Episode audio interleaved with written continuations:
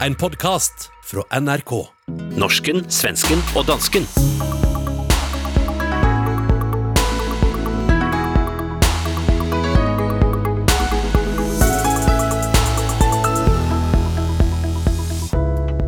Zlatans stemme i nationalsangen for første gang. Den norske tv-serien Exit chokerer svensker og dansker, og nordmænd takker nej til vaccine, fordi de skulle på hytta. Hvad er det med den norske hyttefeberen?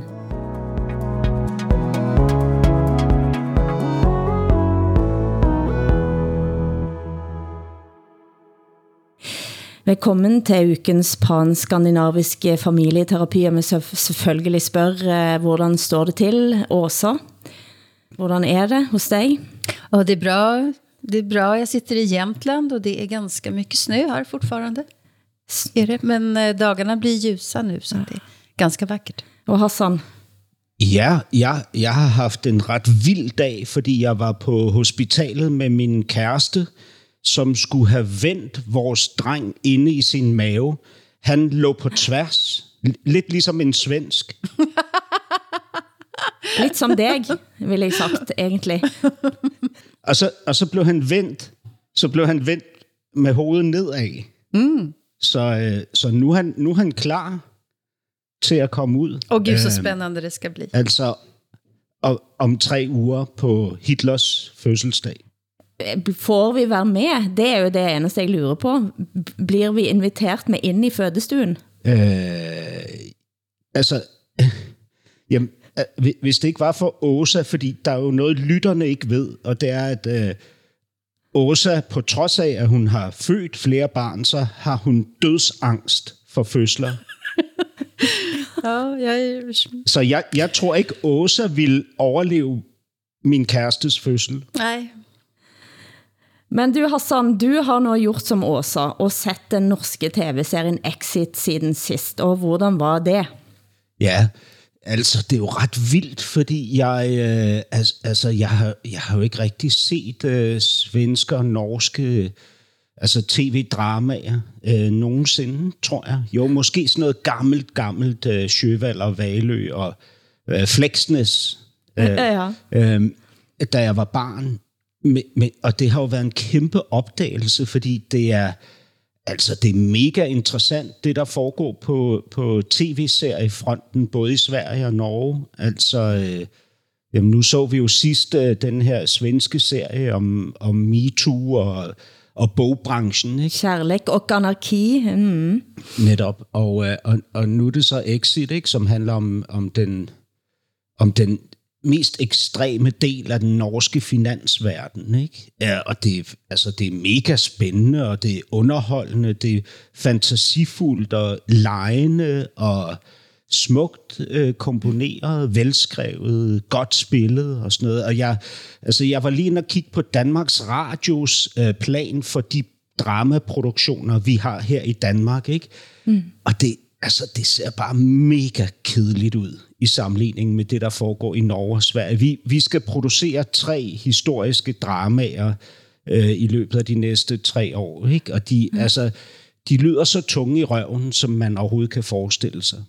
Jeg kan lægge til, at eh, på dansk så heter serien ikke bare Exit, men Exit de norske milliardærer.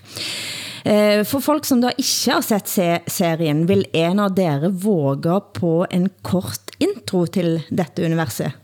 jag skulle säga att det handlar om fyra män eh, i kanske 40-årsåldern som sköter hedge, eh, heter det? hedgefonder. Heter det så? Ja.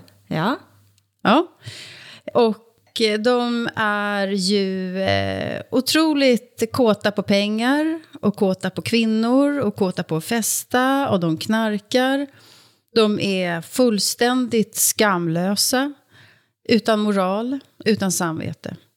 Och så har de en varsin kvinna som de är gift med och barn. Eh, och de här kvinnorna då gör allt för att hålla fasaden uppe och blir då svikna av sina män gång på gång och hela tiden och dygnet runt.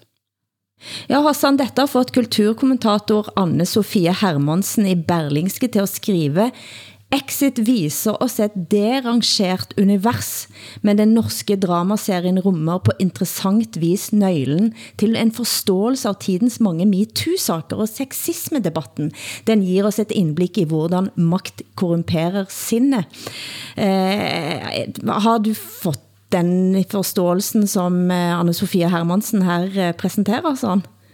Ja, altså, jeg, ja, det har jeg jo på en måde, ikke? Altså, jeg, jeg, øhm, jeg synes så absolut, at den, at den viser, altså, hvordan det ligesom destruerer menneskesjælen at have, at have ubegrænsede ressourcer, ubegrænset magt. Ikke? Men, men jeg er faktisk ikke helt enig i Åsa, som jeg synes lidt skildrer kvinderne som ofre for de her mænd. Jeg synes jo, de her kvinder i stor stil bidrager til det her gennemkorrumperede øh, kompleks, som serien er, øh, ved at altså ved at begive sig ud i at elske, eller forsøge at elske mænd som de her fire mænd. Ikke? Øh, og de gange, hvor de her mænd øh, bryder igennem, altså falder sammen og ikke længere kan opretholde facaden, så er det første, de møder jo foragten fra deres kvinder, fordi de ikke længere er den, hvad kan man sige, stærke, ø- økonomisk stabile, solide mand, som de gav sig ud for at være. Ikke? Øhm, så jeg synes, dynamikken er interessant. Mm. Ikke? Men det Jag tycker jo... att det är kvinnor ja. som är... Mm. Nej, værsgo også. Nej, men jag tänker att det är kvinnor som går in och spelar den rollen som de är tilldelade. Och de, de, eh, det ingår på något sätt i det här kontraktet att de får stå ut med att deras män lever livet och har kvinnor, andra kvinnor och beter sig illa. Och det, är liksom, det ingår på något sätt i den här rollen. Och sen när de blir lämnade, de här kvinnorna, därför att männen går vidare med andra kvinnor, så står de ju där ändå på bar backe. Så jag, det, det är lite mer komplext än så skulle jag säga. Och män betraktar sina kvinnor som horor dessutom, som prostituerade. Jag, betalar, jag betalar min kvinna. Der er jo en sån eksempel på det, et sånt, en sån, eh, akkurat det du snakker om her også, da eh, en av de har med sig en prostituert hjem, for at konen skal opdage de. Eh, og så eh, kommer konen hjem, og fræse til denne prostituerte, kom deg hjem din hore, og så svarer da den prostituerte, eneste forskellen på oss to, er at du bor i dette huset. Ja. Det er ganske heftig, ja. heftig kommentar, og det er vel kanskje, er det det du mener, Hassan, at du indgår en sådan kontrakt, altså? At de kvinder, som er der, de indgår den samme kontrakten? Ja, jamen alle, altså Åsa har jo ret, at de her kvinder skal spille den rolle, de er blevet tildelt. Men det gør mændene jo også i det her game. Mm. Altså, det kan jo godt øh, på overfladen virke som om, at det er mændenes spil. Altså, at de har den fulde fornøjelse og bonus ud af det her. Men det er jo, altså, det er jo tydeligt fra første afsnit, at omkostningerne er katastrofale ikke? ved at leve det her, det her liv. Og de ved det jo godt, og de opdager det jo også undervejs. Ikke? Men hver eneste gang, de forsøger at tage et skridt bagud, så kan de godt se, at de er ved at miste alt. Samtidig, altså jeg skal jo ikke sidde og forsvare de her mænd. Der er jo ikke nogen tvivl om, at en eller flere af dem er deciderede psykopater. Ikke? Og det er jo også, mm. øh, altså, øh, som karakter. Ja, det er det, er det jo. Det, det, du får jo en hel liste av uh, kendetegn med en sociopat i første sæson. Og denne Adam, spilt av uh, en svensk skuespiller, så er det jo åbenbart psykopater her. Men hvorfor har de der psykopatmænd, ifølge den her serie i hvert fald, hvorfor, mm. hvorfor har de en så stor tiltrækningskraft i forhold til kvinder? Spørgsmålet er, om de var psykopater i for første øjeblik. I en av de scenene så er der en av kvinderne, som sitter og fortæller om i begyndelsen, hvordan det var i begyndelsen, og når denne kæresten, nye kæresten poster bilder på Instagram, verdens heldigste mand, eh, jeg har nå skåret oppover, og så videre. Så, så det er også en del av den historien. De mændene er kanskje netop ikke sådan fra starten. Så du tror, at de her fire mænd udviklede sig fra harmoniske, rare, gode familiefædre til van, psykopater over... Nej, jeg, jeg, jeg, tror, jeg tror i alle fall, at uh, de opfører sig anderledes mot de kvinderne etter hvert. De begynner ikke med at kaste kvinnerne ned trappen. Det är inte där de begynner dette kæresteforholdet. Jag tänker att eh, jag, jag har ju sett alla avsnitt och eh, är alla de som har sänds i Sverige av säsong två. Det är inte alla än. Men jag tänker att det här är någon slags norskt försök att göra en American Psycho. Eh, men jag har hela tiden haft ganska svårt att... Eh, jag hittar inte komplexiteten i de här fyra männen. Jag tycker att det är lite för... De är lite för enkla, de är lite för brutala. Man förstår inte mm. riktigt deras bevekelsegrunder. Om det är så enkelt att pengar bara gör svin av människor så, så går inte jag riktigt med på det. Eh, men i andra säsonger kan man säga så, så luckras nog de här personligheterna upp och, och det händer någonting mer om kanske. Men vad jag funderar framförallt över det är vårt behov av att se den här typen av serier där överklassen beter sig som svin. Vi vill det, vi behöver mm. det. Och vad beror, det, vad beror det på? Och är det för att vi ser dem som någon slags metafor, och inte bara som en, slags, en, en grupp människor som man kan irritera sig på? Är det, är det dessutom en metafor för någonting som är mycket större? Att man tycker att samhället är orättvist på alla möjliga sätt. Och så tar man hämnd när man sitter i soffan och tittar på det här och njuter liksom av det. Precis som man gör när vilken överklassmänniska som helst liksom mördas i en eh, brittisk deckare eller någonting sånt där som vi har sett mm. rätt mycket av. Mm. Det finns ett folkligt behov helt enkelt. Men jag tycker att de här fyra männen som man får följa, de är rätt endimensionella. Samtidigt som jag njuter mm. av berättelsen för det är så rappt berättat, det är drastiskt, det är spännande. Lite avundsjuk blir jag ju också. Mm. Jeg, jeg synes, de her mænd, er, altså i deres undertekst, er ekstremt øh, komplekse. Altså deres, øh, jeg synes, deres smerte er meget, meget tydelig, men, men det, jeg synes, det er endnu mere interessant, det du nævner her, Åsa, i forhold til, hvorfor vi gerne vil kigge på den slags øh, fortællinger. Måske er det noget universelt, noget globalt, altså noget mennesket har behov for, for at kunne være med sin misundelse eller sine mindre værtskomplekser i forhold til meget, meget succesfulde mennesker. Altså, mm. vi er nødt til at fortælle historien om, at de i virkeligheden har det elendigt inde bag mm. øh, alt den kapital, de har. Men det kan også være, at det er noget meget øh, skandinavisk, øh, tænker jeg også nogle mm. gange over, ikke? at vi, vi ligesom øh, har brug for at hive alting ned på et niveau, øh, som kan retfærdiggøre den her øh, permanente, øh, det her permanente ønske om omfordeling, som vi har i vores lande, måske. Mm. Men vi må snakke om fodbold, av alle ting. Vi plejer at undgå det, men øh, nu er det ganske spændende ting som sker. Slatan gjorde comeback for landslaget et fem års pause som tidens ældste svenske landslagsspiller, og han sang for første gang nationalsangen. Og hvorfor har det blitt en så stor sak også? Men Zlatan har ju varit kritiserad för att han inte är någon lagspelare utan han är stora egoisten och han ska inte samarbeta och allt ljus på honom. Eh, men nu sjunger han nationalsången. Han har faktiskt sjungit den tidigare, eller pratat fram den i alla fall, när han gjorde reklam för Volvo. Så att han, han sjunger nationalsången när han har nytta av det, kan man säga. Och nu har han nytta av att bygga upp en image ja. av att han är en eh, lojal och solidarisk eh, lagperson.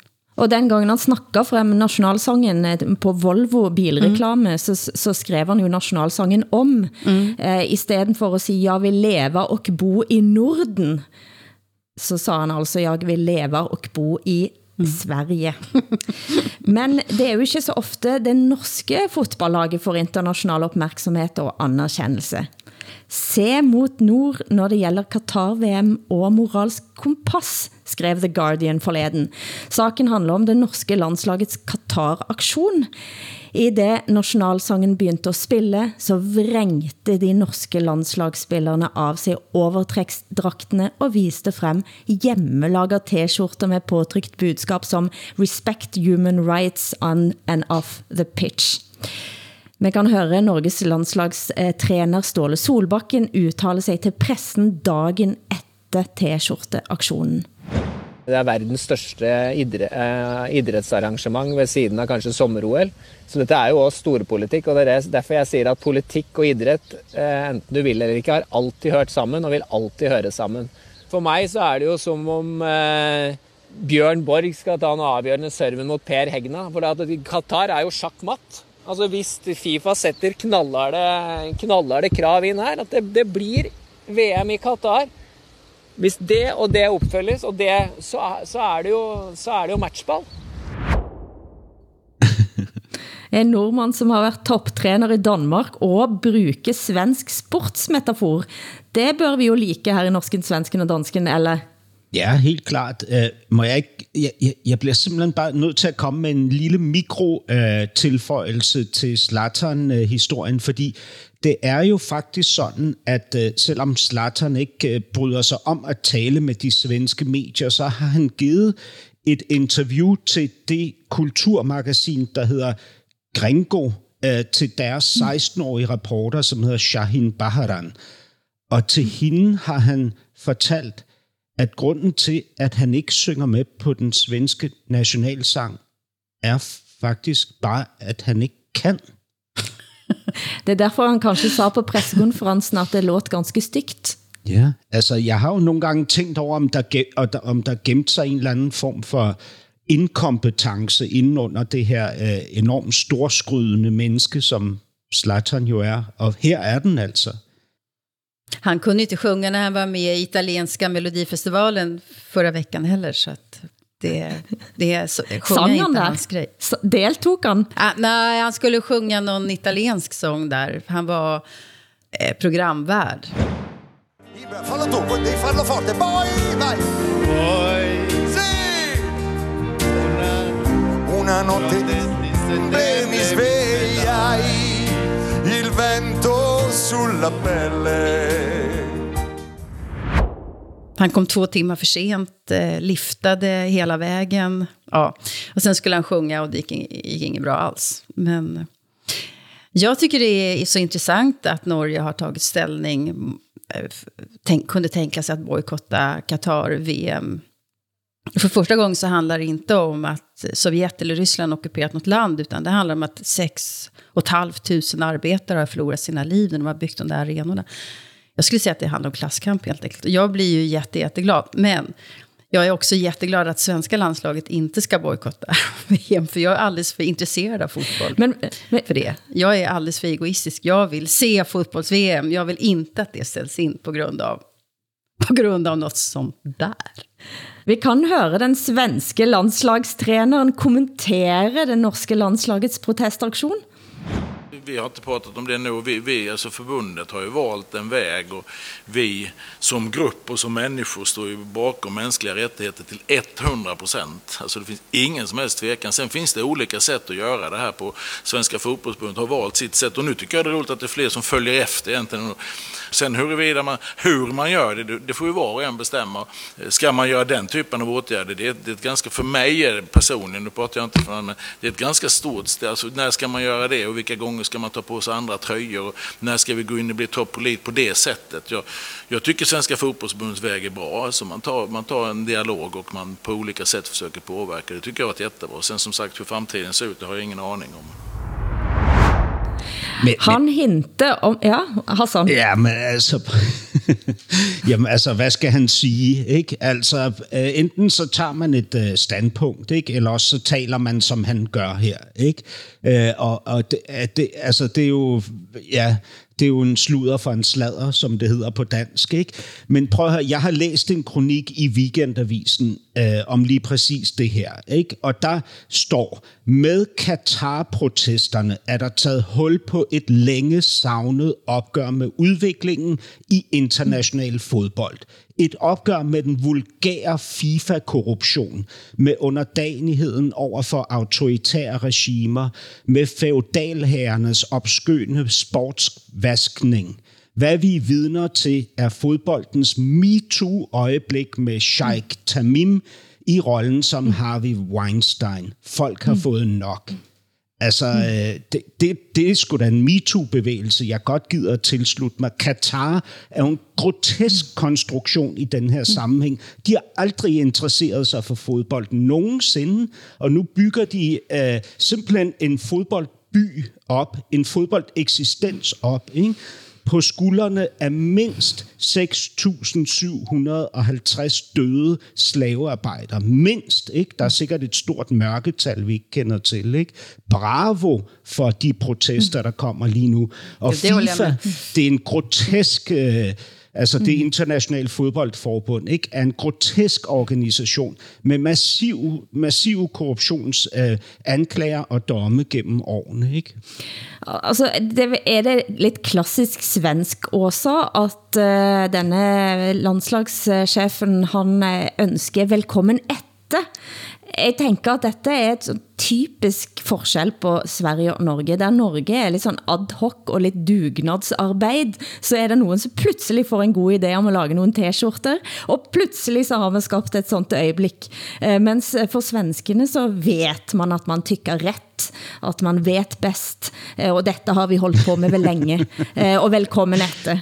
Jag bara väntar på att Sverige... Altså han er jo fredsskadet Jag bara väntar på att Sverige ska göra en app. Sverige, svenskar gör ju appar hela tiden för att liksom Ja. visa, visa någonting, en hashtag eller någonting sånt där kanske redan finns.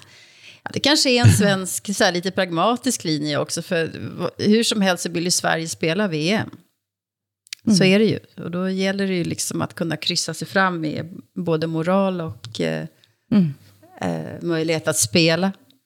Og så har I ikke sådan en, en svensk øh, statsfodboldolog, som kan gå ud og sige noget om dette her med fodbold? Vad sa du? Någon, någon fotbollsepidemiolog var det du sa? Fotbollolog. En kontrololog? Katar. Katar, katarolog? Katarolog? Precis. Ja, nej, vi har ingen myndighet som reglerar det här faktiskt. Vi har inte det.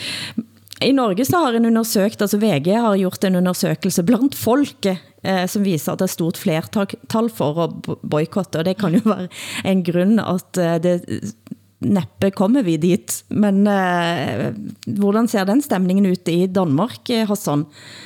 Jamen lige nu bliver bolden skudt frem og tilbage mellem eh, DBU, altså Dansk Bold, Boldspilsunion, og så kulturministeren og dermed regeringen, Joy Mogensen. Ikke? Øh, Der er jo Altså, der er nogen, der mener, at det skal være en politisk beslutning, og nogen mener, at det skal være sportsorganisationen, der træffer beslutningen. Ikke? Og indtil videre er det ikke øh, landet et bestemt sted, så lad os se, mm. hvordan det udvikler sig.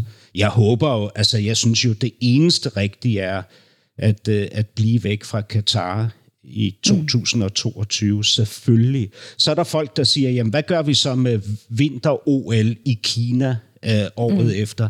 For mig at se, er det ikke sammenligneligt. Altså, øh, men, men det er jo et relevant spørgsmål. Hvor sætter man grænsen? var, varför är inte det jämförbart?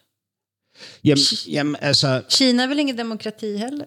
Nej, Kina er heller ikke noget demokrati, og der foregår også uhyreligheder, undertrykkelse mm. og, og, og mor også i Kina. Ikke? Altså, mm. øh, og, og, men, men for mig er det ikke sammenligneligt, fordi der ikke er nogen fodboldrelation overhovedet i Katar. Katar tager simpelthen den her verdens største sportsbegivenhed, og så mm. bruger de den til at skabe en stor global platform for en massiv indtjening ikke, til deres mm. nation.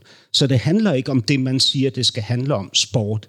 Jag är så, så tveksam till den här typen av bojkotter oavsett vilket land det än handlar om.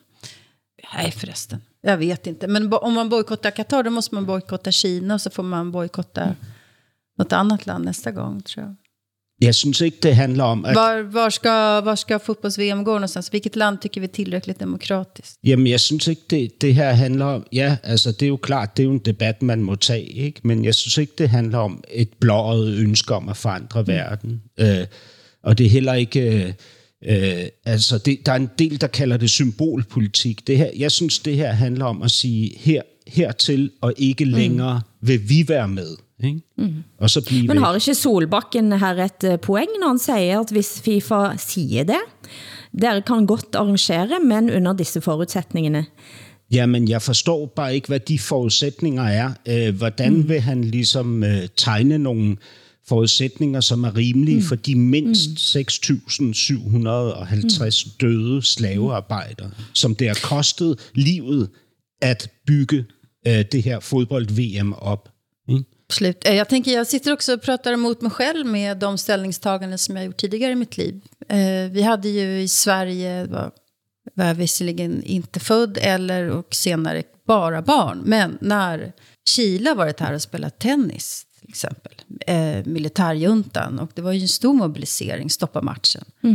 Och det tyckte jag var självklart, att Sverige inte skulle spela Davis Cup mot Chile som var en militärdiktatur. Men eh, nu tycker jag ändå att Sverige ska åka till eh, fotbolls-VM i Qatar om vi, om vi kvalar in. Ja. Jag är mer intresserad av fotboll än av tennis kanske. Också för att det är andra tider som man har resignerat. Jag vet inte. Det vakte stor opstandelse blandt politiske kommentatorer i Sverige forrige uke, da liberalerne under ledelse av Nyamko Sabuni skifte blok og støtte nå Sverigedemokraterne. Det har også danske Berlingske fått med sig. De citerer Sabuni, Jeg er stolt av den beslutning partiet har taget. Det er starten på en ny rejse, siger hun. Men først også, hvem er Nyamko Sabuni? Nyamko Sabuni är 52 år och född i Burundi. Och hennes föräldrar var flyktingar. Hon kom till Sverige när hon var 14 år. Eh, och hon har varit integrationsminister under Fredrik Reinfeldts eh, regering, alliansen där. Och då gjorde hon sig väldigt obekväm därför att hon arbetade mot hedersvåld. Och hon kom också med förslaget att alla unga kvinnor som kommer till Sverige, barn, ska eh, genomgå en obligatorisk eh, gynekologundersökning för att man skulle se om de var könsstympade. Då blev hon kallad för husblatte Uff. av den antirasistiska vänstern eh, som också var helt eh, förvånade över att en svart kvinna inte har samma åsikter som den antirasistiska rörelsen har. Så hon, har, hon, är, hon är ganska, vad ska jag säga, hon, är, hon vet vad hon vill och hon står på sig. Eh, nu är han alltså då ordförande för Liberalerna. Efter en stor strid då så vann hon ordförandeposten för något år sedan. Och nu så har Liberalerna då beslutat att man ska... Jag ska också säga att Liberalerna i Sverige ligger ju under spärren för att komma in om det vore val idag. Men Och de är alltså helt desperata. Hur ska man göra då? Ska man fortsätta stödja Löfven-regeringen som man gör idag i praktiken med ett stort avtal, januariavtalet? Eller ska man eh, bryta upp det där och eh, eh, gå till val på att man ska bilda en borgerlig regering med stöd av Sverigedemokraterna? Och det är, det, det är den linjen som nu har vunnit då. hvilke politiske konsekvenser kan det få? Ja, konsekvenserna är ju att det blir lättare för det borgerliga blocket att, att vinna nästa val. Men jag ska också säga då att om vi tittar ut över Europa så är det här ett helt unikt ställningstagande för ett liberalt parti att på detta vis söka stöd hos högerextremister eller högerpopulister, vad man nu vill kalla dem för, eller yt- ytterhögern. Eh, I alla andra länder så, så håller man kvar vid sina liberala rötter och Sverige gör någonting eget. Sverige är ett ganska intressant politiskt land just nu faktiskt. Det svänger rätt mycket skulle jag säga. Men liberalerne, hvad, hvad, hvilket parti er liberalerne? Ja, så det, det är ju ett... Eh, vad, ska man, vad är motsvarigheten i Danmark? Det är radikale venstre. Men så har de jo en meget, øh, hvad kan man sige, blød øh, social side og en lidt hårdere økonomisk side. Eh, ja, det kan man säga. De har ju, det är ett parti som är splittrat mellan socialliberaler som har större liksom, socialt samvete och sen så väldigt många nyliberaler också. Men de har haft en eh, blöt sida som du säger när det gäller migrationsfrågan. Eh, de är ju liberaler i den meningen att de verkligen står för yttrandefrihet och pressfrihet och konstens frihet och så. På så vis är liksom är de ju vad som idag be- betecknas som vänster.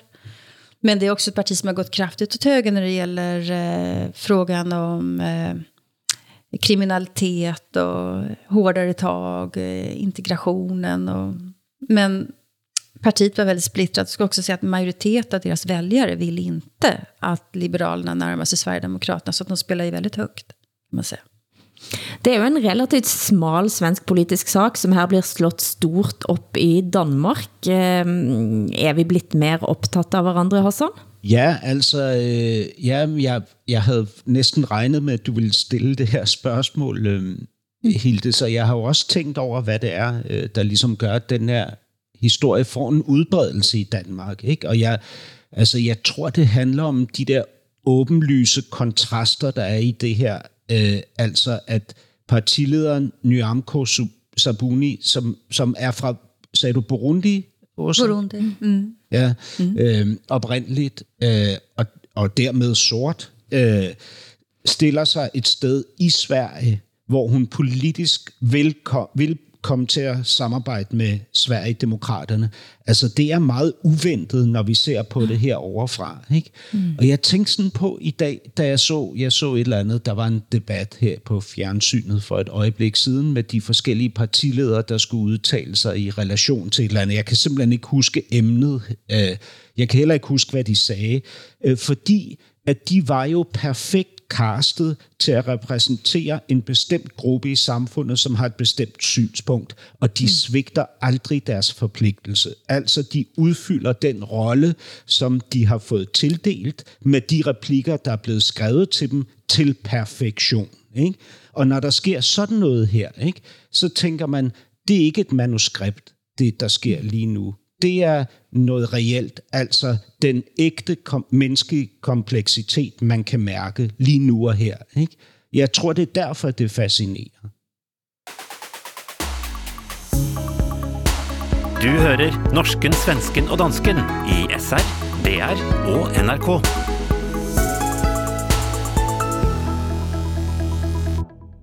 Men hvordan er det ellers med påsketradisjonene? Fortell. Vi ger varandra ägg med godis i, men det gör man väl i hela västvärlden tror jag, eller? Eller i den kristna världen menar jag. Ja. Och sen eh, dricker vi mycket sprit. Och äter sill. Och Janssons frestelse. Och sådär. Det är väl det enda. Janssons frestelse, det är bland det godaste jag vet. Det är, vi kan säga att det är en potatisgratäng med mm. ansjovis i. Då, är, det, ja. är, det, är det gott? Ja, det är vansinnigt gott. Det är otroligt gott. Annars har vi inga sådana där traditioner alls. Det är ju väldigt avslappnad och skön helg. Ja, tradi- altså, vi, har, vi har jo påskefrokost, ligesom øh, Åsa beskriver, at, at øh, man har i Sverige, altså med sild og snaps, uden J- J- Jansons fristelser. og, øh, og så spiser vi påskelam. Øh, mm, det, er jo, det har vi det også börjat göra. Det gör vi også det er jo meget fint, hvordan det ligesom sådan på, i mange niveauer forbinder sig til, altså til, ja, til, til øh, testamentet, ikke? Altså med, jeg, jeg synes, det er meget, det, det, er en, det er en smuk tradition, selvom jeg er så ateistisk, som jeg er, så kan jeg godt lide, at det forbinder sig til den her bog, som jo, mm. uanset hvad jeg synes, jeg er, ligesom er mit kulturelle fundament, ikke? Mm. Øhm, altså, vi, vi har jo talt om det før, ikke, i Danmark. Hvad gør ni i Norge da, Hilde? Nej, eh, hvis du skulle du fortælle om gækkebrev, eh, gukkebrev, eh, Hassan, eller var det du sa, vi har snakket om det før, talt om det før? Ja, Alltså, men vad jag, är det för någonting? Vi, jag, vi fattar inte alls det där i Sverige. Ja, men, jo, det var det, det, det slags kjede... Nej, ja, det er en labyrint, det er egentlig også, sant vel, Hassan? Det er en slags form for labyrint. Nej, det er ikke, nej, nej, det er ikke nogen labyrint. Det, jo, på en, nej, nej. på en måde, så er det det. Nej, det, det, det, det er et papirklip. Ja. Og, og så skriver du på papirklippet, så skriver du et lille digt. Mm. Du skriver, mit navn, det står med prikker, pas på, det ikke stikker. Og så sætter du en prik per øh, bogstav i dit navn. Så i Åsas tilfælde vil det være tre prikker, i Hildes tilfælde mm. vil det være fem prikker. Og så skal jeg gætte, hvem brevet kommer fra. Hvis jeg ser fem prikker, så siger jeg, nej, det er fra dig, Hilde. Og hvis jeg har ret, hvis jeg har ret så skal du give mig et påskeæg. Hvis jeg tog fejl, så skal jeg give dig et påskeæg. Jeg glæder mig til næste år, da skal vi få brev også. Men i Norge, så, i Norge så er jo hytter har en central plads i mange nordmænds påskefejring, og det overrasker mig i fjor, hvor fjernt det var for dere to. Og dere hånte mig og mit gamle påskeparadis, da I malte frem med så vakre farger jeg kunne, hvilken idyll jeg voksede op med. Og vi kan høre, hvordan dere reagerte på mine beskrivelser under påskeepisoden vår i fjor men det er jo også, fordi jeg har aldrig nogensinde forstået det der med sommerhus. Hilde, du har jo fortalt mig, at i Norge, så er det sådan noget med at tage ud i en isoleret hytte. Altså, det giver ingen mening, og heller ikke det der med appelsiner. Altså, hvad, fanden, hvad fanden er det? Jag tycker det låter fruktansvärt. Alltså jag säger som Hassan, jag tycker inte om att vara utomhus överhuvudtaget. Jag vill helst bara sitta inne och reser jag så reser jag till stora städer och sådär. Mi, mit paradis, det er, det er påskesnaps. Altså, dere kunne jo ikke fatte, hvad jeg skulle gøre på en hytte uden vand og strøm, og derfor så har jeg bestemt mig for, at denne gangen så må være, være lidt grundigere til værks, for at forklare norsk hyttekultur for deres svensker og dansker. Cirka halvparten av alle nordmænd disponerer en hytte, det vil sige, de ejer den nødvendigvis ikke. Ifølge hytteforskere, som bak boken Hytter, fire vægger rundt en drøm fra 2019. En av forfatterne, Marianne Lien, er socialantropolog og har forsket på den norske hyttekulturen, og vi kan høre henne her på programmet Optur på NRK P1, hvor hun forklarer to ulike historiske typer norske hyttefolk. Vi har den urbane eliten, altså eh, de, de velutdannede, rike folkene som bodde i byer, og som lengtet tilbake til naturen med en sånn liksom nasjonalromantisk lengsel. Men så fins det et annet spor som kanskje har vært mindre beskrevet, da, og det er eh, arbeiderklassen og gruvearbeidere, folk som i tidlige årene etter krigen plutselig befant seg kanskje en liten leilighet kanskje hadde kommet fra primærnæringen, altså hadde kommet fra en gård, hadde kommet fra en familie som drev med fiske. Plutselig befinner de seg i en bitte liten leilighet og står på et samlebånd eller står i en sånn type industriarbeiderjobb. Mange av disse menneskene lengtet umiddelbart tilbake til naturen, men ikke med denne romantiske nasjonale lengselen som de i byene hadde, men mye mer sånn praktisk. Jeg vil, jeg vil tilbake til der hvor det er gress, jeg vil tilbake til der hvor jeg kan plukke bær, der hvor jeg kan fiske, der hvor jeg kan leve det livet som jeg lærte lært opp til å leve, nå som jeg plutselig skal være hva skal jeg si, husmor på 50-tallet med to små unger i en liten lejlighed. Gir dette mer mening også? Ja, absolut. Eh, men jag får ångest när jag tänker på att, att åka till en hytta. Alltså det är inga bekvämligheter alls. Det är långt till affärer.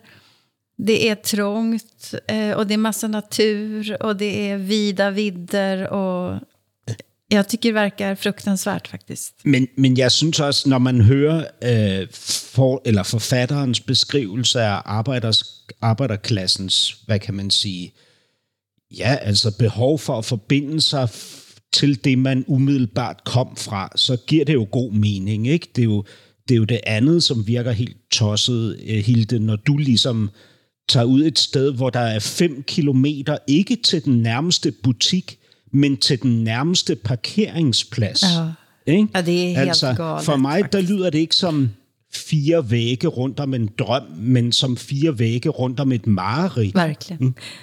For det er kanskje uforståelig, Hassan, men for din landsmand, 20-åringen Daniel Bol Nielsen fra Vejle, så var det selve drømmen, og han lånte faktisk hytta der jeg tilbragte mine påsker. Og det var så eksotisk, at Dansk TV Syd besøgte ham på utedoen min. Det er simpelthen her, jeg skider. og så er der en fantastisk udsigt, så jeg plejer at sidde og skide med åben dør. Jeg hedder Daniel. Jeg er 20 år. De sidste fem uger, der har jeg boet i en hytte her i Norge. Når jeg er derhjemme, så kan jeg hurtigt komme til at bruge en masse tid på at spille computer, eller sidde på Facebook, eller Netflix. Man har hele tiden travlt og nye ting, man skal, så der er ligesom ikke rigtig tid til at tænke over, hvem jeg er. Men heroppe er der ligesom ikke rigtig så meget mulighed for at, at lave andre ting, end at læse og skrive og fisk. Oh, jeg tror, der er bid. Vores generation, den er ofte blevet kaldt 12-talsgenerationen. Men jeg tror, måske i stedet for, at vi skulle til at kalde os 13-talsgenerationen. Fordi vi vil altid gøre mere end det, der egentlig forventes af os. Problemet er bare, at 13-tallet det er, det er afskaffet. Man kan egentlig aldrig opnå det her ideal, som samfundet forventer af os, og som vi så kommer til at forvente af os selv. Jeg var faktisk oppe og drak kaffe med Daniel, og- men er ikke dette et bare bra indsalg da, Hassan? Altså, det er faktisk rigtig smukt, det han siger, ikke? Fordi jeg, jeg er jo vokset op under 13-tals skalaen, den findes ikke mm. længere. Og hvilke konsekvenser har det for de efterfølgende generationer, at de altid vil høre om dem, der fungerede under 13-tals regimet, ikke? som de aldrig vil kunne. Det er meget, jeg synes, det var meget smukt. Men øh, mm. det forandrer ikke mit syn på hytter. Men det jag tycker också det var rörande att höra och han, och han säger att här finns det inga förväntningar och att man är, man är frånkopplad mm. alla krav. Och jag förstår det där men eh, jag får ändå ångest vid tanken på att sitta en hytte faktiskt. Alltså, och det är en begränsning i mig. Alltså jag önskar att jag var en annan person än den jag är. På den her punkt. Jeg skulle lige til at sige det samme om mig selv, Åsa, men så tog du ordene ud af min mund, fordi i virkeligheden så handler det jo ikke om hytten eller naturen, eller om hvad man kigger på, mens man sidder og skider. Altså det handler jo om, hvorvidt man har lyst til at tilbringe to uger med sig selv i en hytte. Ikke? Og der må jeg bare sige, at der lyder det fra mig, nej tak. Men jag sitter ju här nu i Jämtland till exempel. När jag tittar ut genom fönstret så är det ju eh, otrolig natur. Jag har inte alls lust att gå ut i den, gå upp på fjället eller gå runt på myrarna eller så där. Vill inte alls. Jag vill bara vara inomhus och läsa och skriva.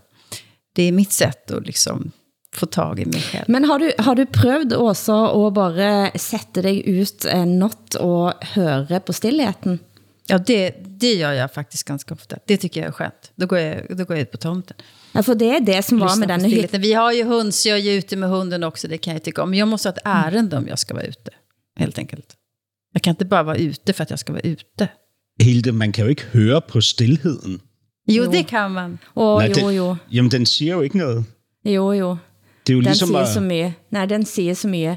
Av og til så kan jeg sætte mig på en stein, og så kan jeg lytte intenst og late som jeg har superhørsel, og det kan en gøre, når jeg sitter der ute med den hytter, som heter Håversbu. Der er det en sådan stillhed, som er så mætter, at du kan høre enormt mye. Mm. Men det, det svarer jo til at smage på tomheden i et glas. Nej, nej, nej, nej, nej, nej. Det er en rik, en rik stillhed. Men altså, det må siges, det må siges at denne lille hytta her er det knappast nogen i Norge, som længere har en så lav standard på en hytte. Og jeg vet ikke om dere har fått med dere dette, men det har været et voldsomt spektakel her i Norge, efter at beboerne i nogle av landets rikeste kommuner takker nej til vacciner, med en begrundelse som fik blandt andet vaccinearbejder Katinka Devor Lunde til at reagere og lægge ut denne videoen på Facebook forrige helg. De fleste som jeg ringte til, var jo så glad for endelig å få time. Men så var det faktisk overraskende mange som sa nei. Noen sa jo nei fordi de ikke ønsker vaksinen, og det, det er jo helt greit. Men en stor andel, og jeg syns faktisk det var sjokkerende mange, sa nei. For de skulle på hytta. De skulle på påskeferie. Og jeg mener altså Makan! Dere som nå er satt ind i den eh, norske hyttekulturen, gir dette eh, gyldig fravær, vil dere si? Jag, jag är så en ambivalent hållning til det med vaccin så frågan til mig. Nå, jeg har jo et ambivalent forhold til hytterne, så jeg synes jo ikke, det er, en, det er jo ikke nogen valid grund til at blive væk fra sin vaccination. Altså, naturligvis ikke, men jeg kan jo godt, øh, altså, det dæmmer jo. Øh, jeg kan jo godt se og måske også langsomt forstå, hvor stor betydning det har med de hytter for nordmænd og norsk kultur og sådan. Mm. Øh, det kan jeg jo godt se.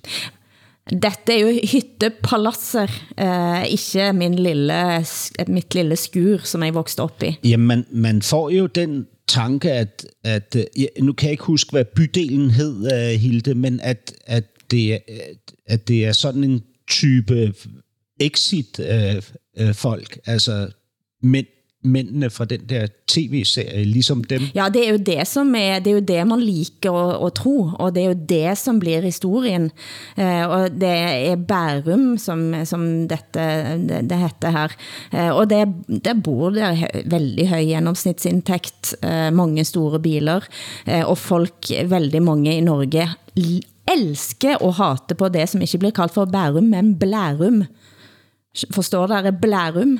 Men är inte... Ja, Blärum, men du förstår vi. Men, men alltså jag tänker, är inte det här samma, samma segment människor som tror att de är odödliga?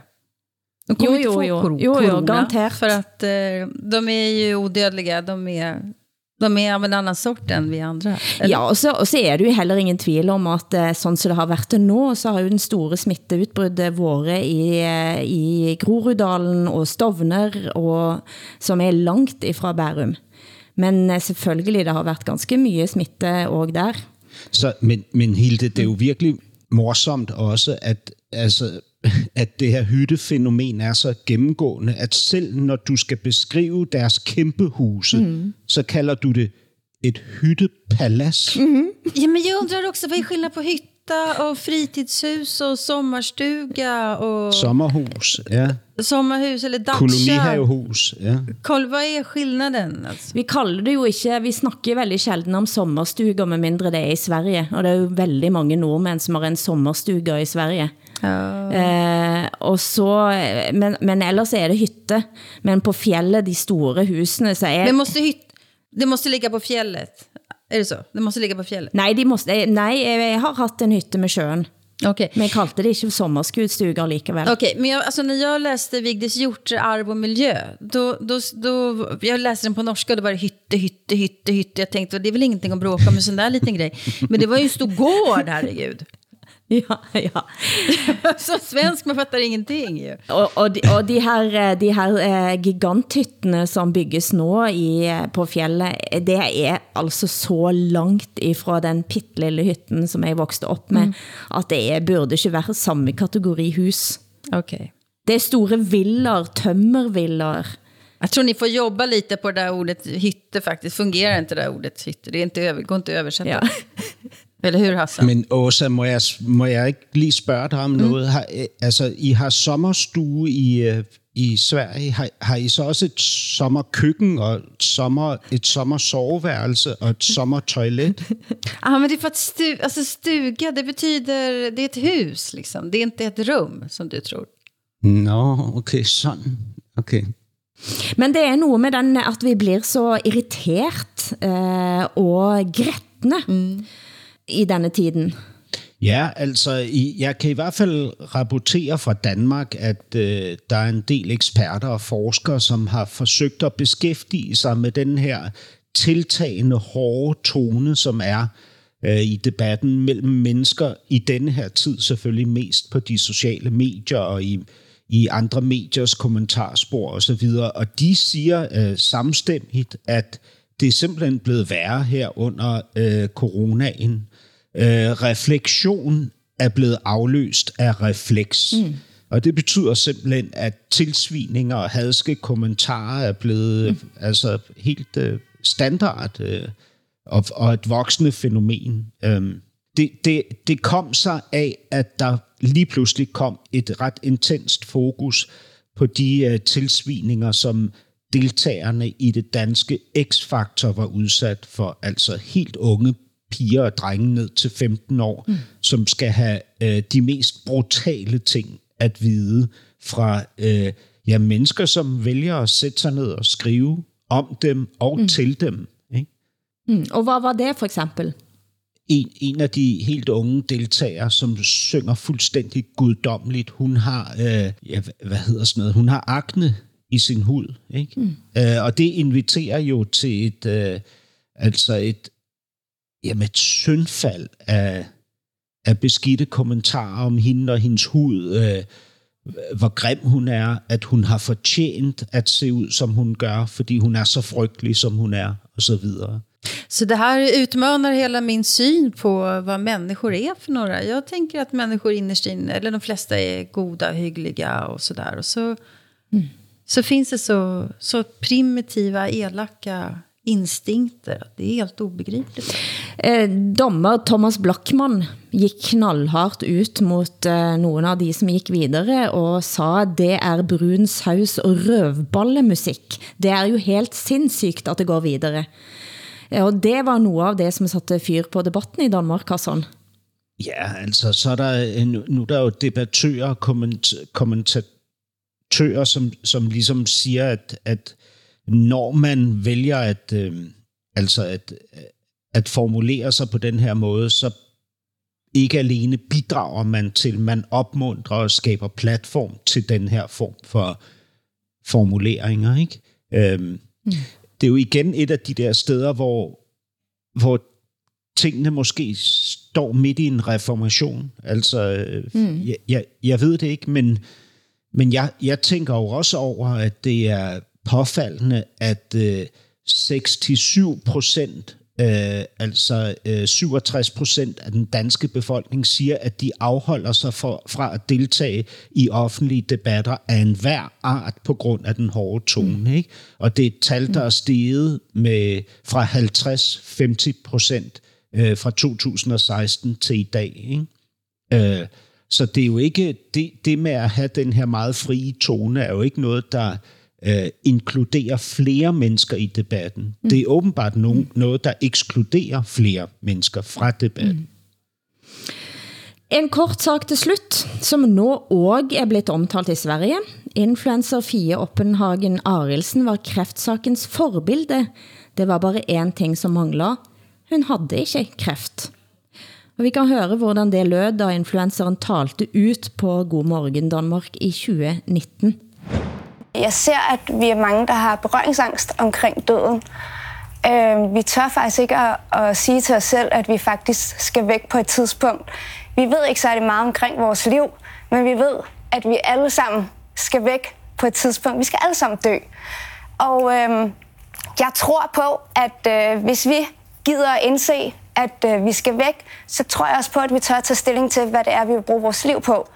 Så for mig så handler det faktisk om det smukke i det ved netop, at vi vil tør at leve noget mere.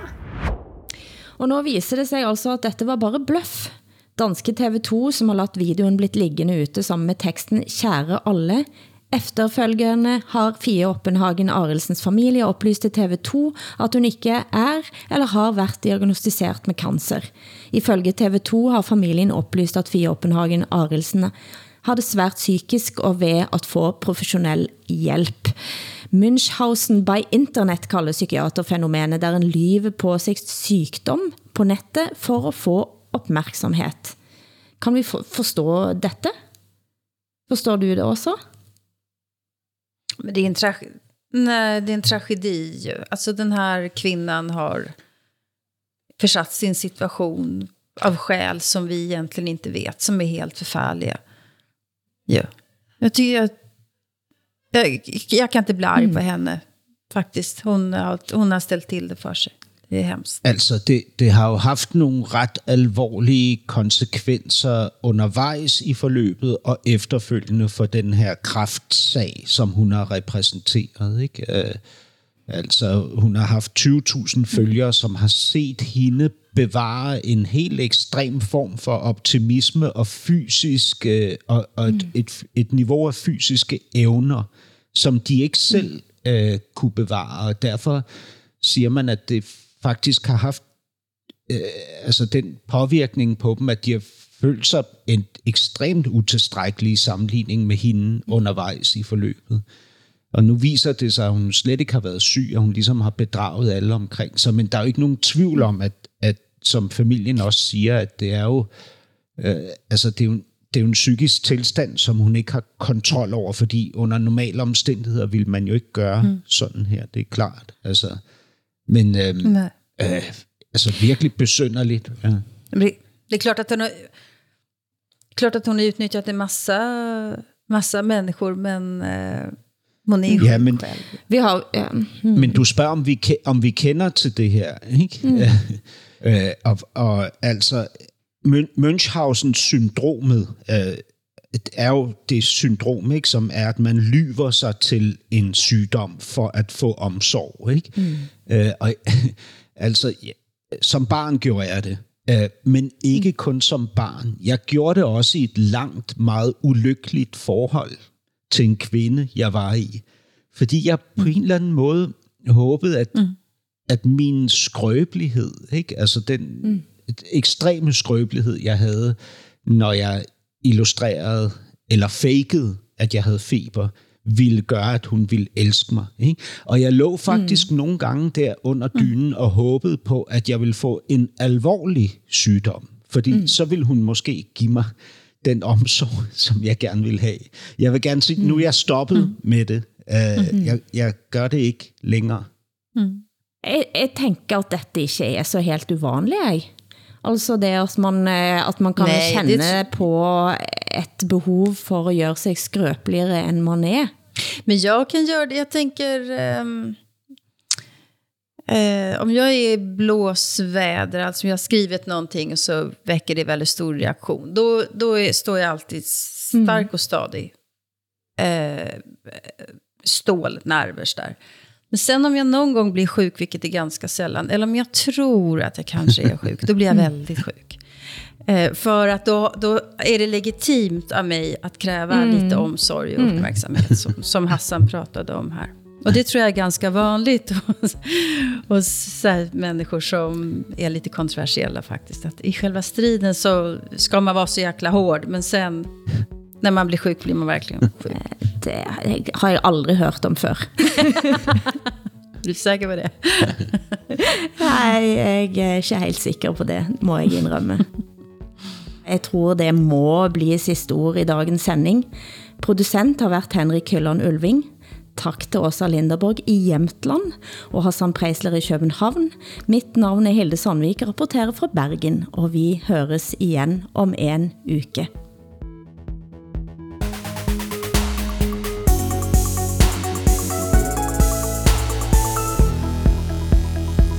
Du har hørt en podcast fra NRK.